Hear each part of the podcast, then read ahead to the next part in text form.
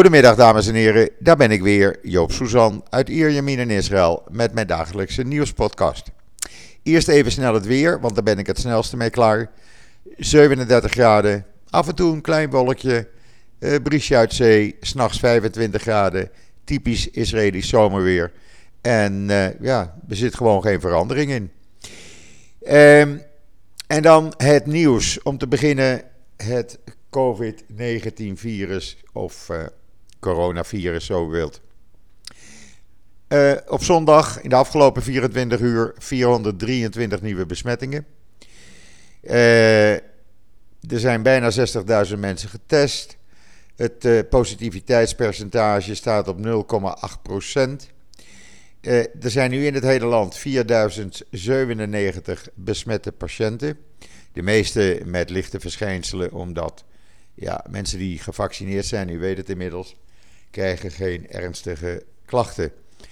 Uh, er liggen 81 mensen in de ziekenhuizen, 47 van hen worden beschouwd als ernstig, met 18 van hen weer als kritiek, waarvan de 13 zijn aangesloten aan beademing.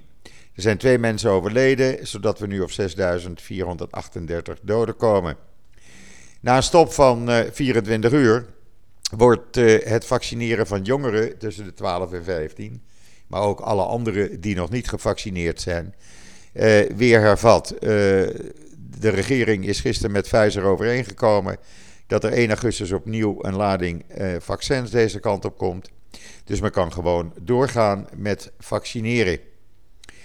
Ehm, daarnaast werd er vanmorgen aangekondigd, en inmiddels is dat ingegaan. Dat men overwoog om mensen met een verzwakt immuunsysteem een derde booster van de COVID-vaccinatie te geven. Dat betekent gewoon een derde injectie. Nou, dat is zojuist ingegaan. Uh, half uur geleden kwam de mededeling langs.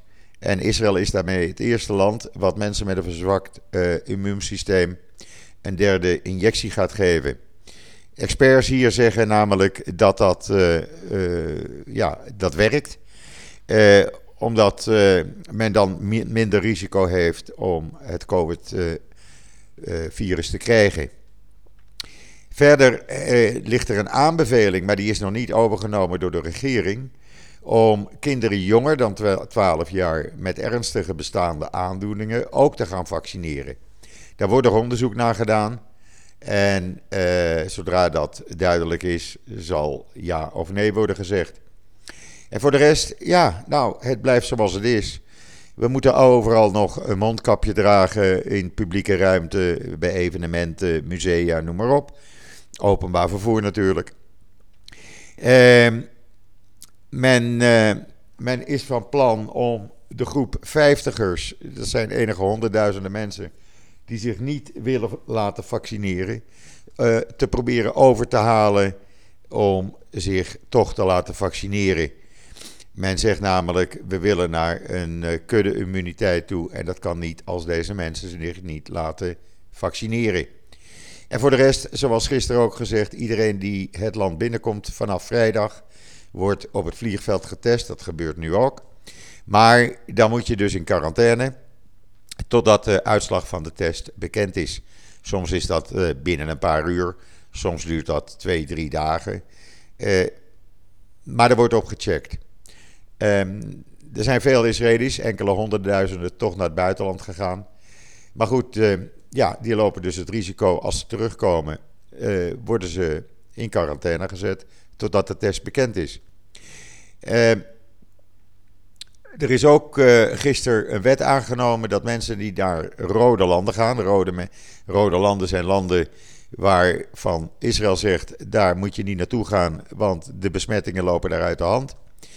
Uh, Zuid-Amerikaanse landen, Afrikaanse landen, maar ook Oostbloklanden. Als je daar toch uh, naartoe bent geweest, krijg je een boete bij aankomst van ongeveer 1260 euro per persoon. En dan heeft de Universiteit van uh, Tel Aviv, ik heb het op mijn Twitter-account gezet vanmorgen, uh, onderzoek gedaan naar het verband tussen vleermuizen en uh, het coronavirus. U weet, dat wordt vanaf het begin gezegd. Nou, volgens deze experts van het vleermuizenlaboratorium bestaat er geen enkele connectie, dan weten we dat ook weer. En dan is die, dat gerucht ook weer uit de wereld. En dan heeft minister Lapid van Buitenlandse Zaken, Jair Lapid, die is gisteren naar Brussel gegaan, een dag eerder als gepland. Heeft daar met een aantal uh, uh, politici gesproken, van de EU al, maar ook met zijn Egyptische collega, die ook in Brussel is. met zijn Egyptische collega afgesproken dat ze binnenkort weer bij elkaar komen. En verder gaan onderhandelen over Gaza. Nou, dat is natuurlijk heel goed. Uh, je kan beter maar rechtstreeks onderhandelen als dat je dat uh, via via laat doen. Uh, net heb ik ook op mijn Twitter-account een fotootje gezet van Lapid die minister Kaag in Brussel heeft ontmoet en daar een gesprekje mee had. Hij vond het een heel plezierig gesprek en zegt dat Nederland nog steeds een trouwe partner van Israël is. Maar goed, dat is zijn mening. Ehm ja, en dan uh, het volgende. De Palestijnen zijn nog steeds royaal met het betalen van terroristen die uh, door Israël gepakt worden. Of families van door Israël doodgeschoten terroristen. En dan betalen ze nog steeds uh, ja, euro's, duizenden euro's aan salaris elke maand. Dat noemen ze salaris. Even een slokje water, want tenslotte ben je martelaar. En je zet je in voor de goede zaak. Nou, dat gaat om uh, eh, 597 miljoen shekel. Dat is uh, ruim 154 miljoen euro's. En Israël heeft besloten, weet je wat, wij innen maandelijkse belastingen voor de Palestijnen. We gaan vanaf nu dit bedrag inhouden op de ontvangen belastingen. Dat is dan weer een probleempje voor meneer Abbas. Dan moet hij weer ergens anders gaan bedelen. Maar goed, uh, bedoel, als je uh, de lik ingaat uh, hier in Israël, omdat je een terreuraanslag hebt gedaan en je moet 10 jaar zitten of 15 jaar zitten, dan krijg je gewoon zo'n 1600 euro elke maand op je rekening overgemaakt. Het lijstje staat in het artikel op israelnieuws.nl. Dus een hele juiste beslissing. Palestijnen zijn natuurlijk kwaad. Want die beschuldigen Israël van misdaad en piraterij. Nou, dat moeten zij dan maar weten. Dan moet je geen terroristen gaan betalen. En dan een heel bijzonder uh, artikel op israelnieuws.nl. Iedereen die geïnteresseerd is in de Bijbel en geschiedenis. Uh, Israëlische archeologen hebben in het zuiden van Israël tijdens een uh, opgraving uh, op een stuk potscherf de Bijbelse naam Jerubbaal, Jerubbaal uh, op een potscherf gevonden. En die potscherf komt uit het tijdperk, het rechtertijdperk, of zo u wilt, de richteren. Duizenden jaren oud, 1100 voor Christus. Een aardewerken pot, uh, die vonden ze toevallig en daar zat die scherf bij. Heel bijzonder, het hele verhaal met foto's en uh, uh, de, de achtergrond van degene die mogelijk deze pot in gebruik had, kunt u lezen op uh, israelnieuws.nl. Er zit ook nog een filmpje in het Hebreeuws bij, maar de beelden zeggen genoeg natuurlijk. Ik vind het heel bijzonder, want ja, het land laat nog steeds zijn geschiedenis zien. En ja, dat, dat blijf ik fascinerend vinden. Elke keer weer, er gaat eigenlijk geen week voorbij. Of ze vinden hier in Israël wel iets waarvan je zegt: hoe kan dat dat het bewaard is gebleven? En dit is echt iets wat in de Bijbel ook besproken wordt. En uh, ja, het is mooi dat het land uh, dat nu kan zien of kan laten zien. Uh, wat dat betreft doet de Israël Antiek Authority. Ach, hartstikke goed werk. En ze publiceren het ook meteen. Ik krijg uh, gelijk een persbericht met alle foto's, met video's, met alle uitleg.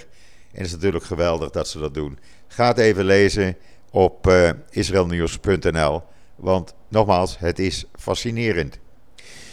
En dan een artikel op israelnieuws.nl met een filmpje erbij hoe IDF en de politie hard optreden tegen drugs- en wapensmokkel in de Negev. Of eigenlijk in de Sinai, het zuidelijke gedeelte. Want vanuit de Egyptische Sinai worden regelmatig wapens en drugs over het hek gegooid. Die worden opgepakt door Israëlische uh, Bedouinen, hoofdzakelijk. En men heeft nu speciale voertuigen, terreinvoertuigen gemaakt. Een soort buggies. En ja, je kan ook zien op die video hoe smokkelaars worden gepakt. heel interessant. Men doet dat niet met zachte hand. Het is echt hardhandig optreden. En het, uh, het werkt. Want sinds januari hebben ze van de 120 smokkelpogingen er meer dan 40 verijdeld.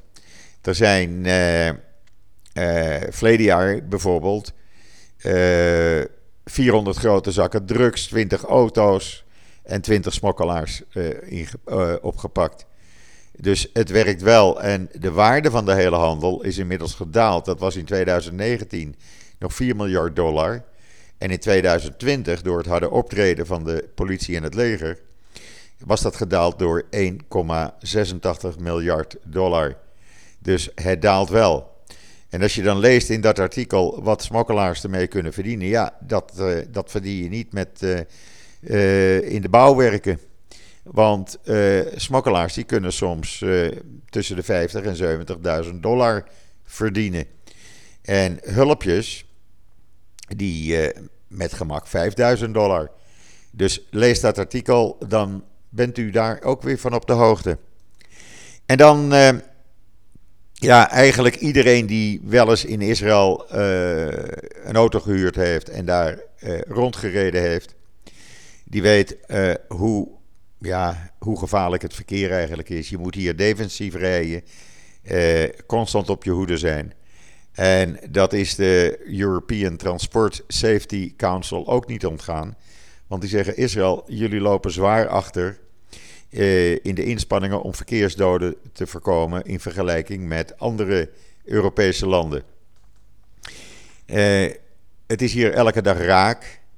Uh, ja, men, men stoort zich niet aan verkeersregels, richtingenwijzer. Ja, die optie die nemen ze bijna nooit als ze een auto kopen.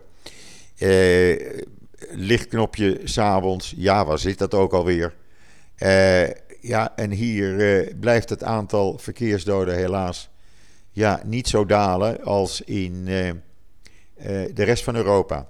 En men wil dat Israël dat toch gaat proberen. Hopelijk dat de nieuwe regering daar eens aandacht aan gaat besteden. Want het, echt, het, het moet gebeuren gewoon.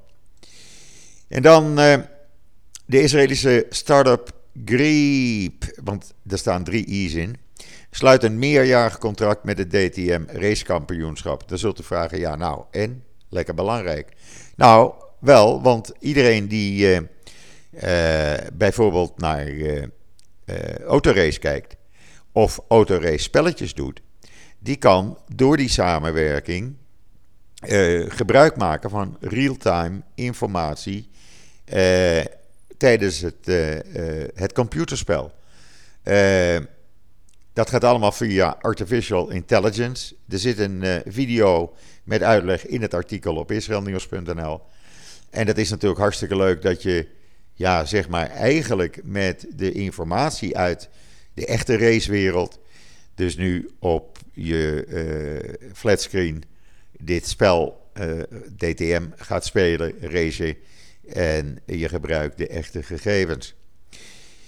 En dan, ja, voor al die Israël-haters eigenlijk, en ja, dat zijn jullie niet natuurlijk, want anders zou je niet naar die, deze podcast luisteren.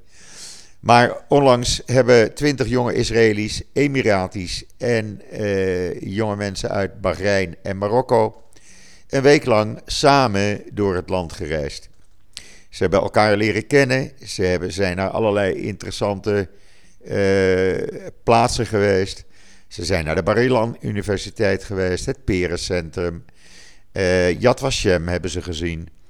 Ze zijn naar kunstenaars geweest.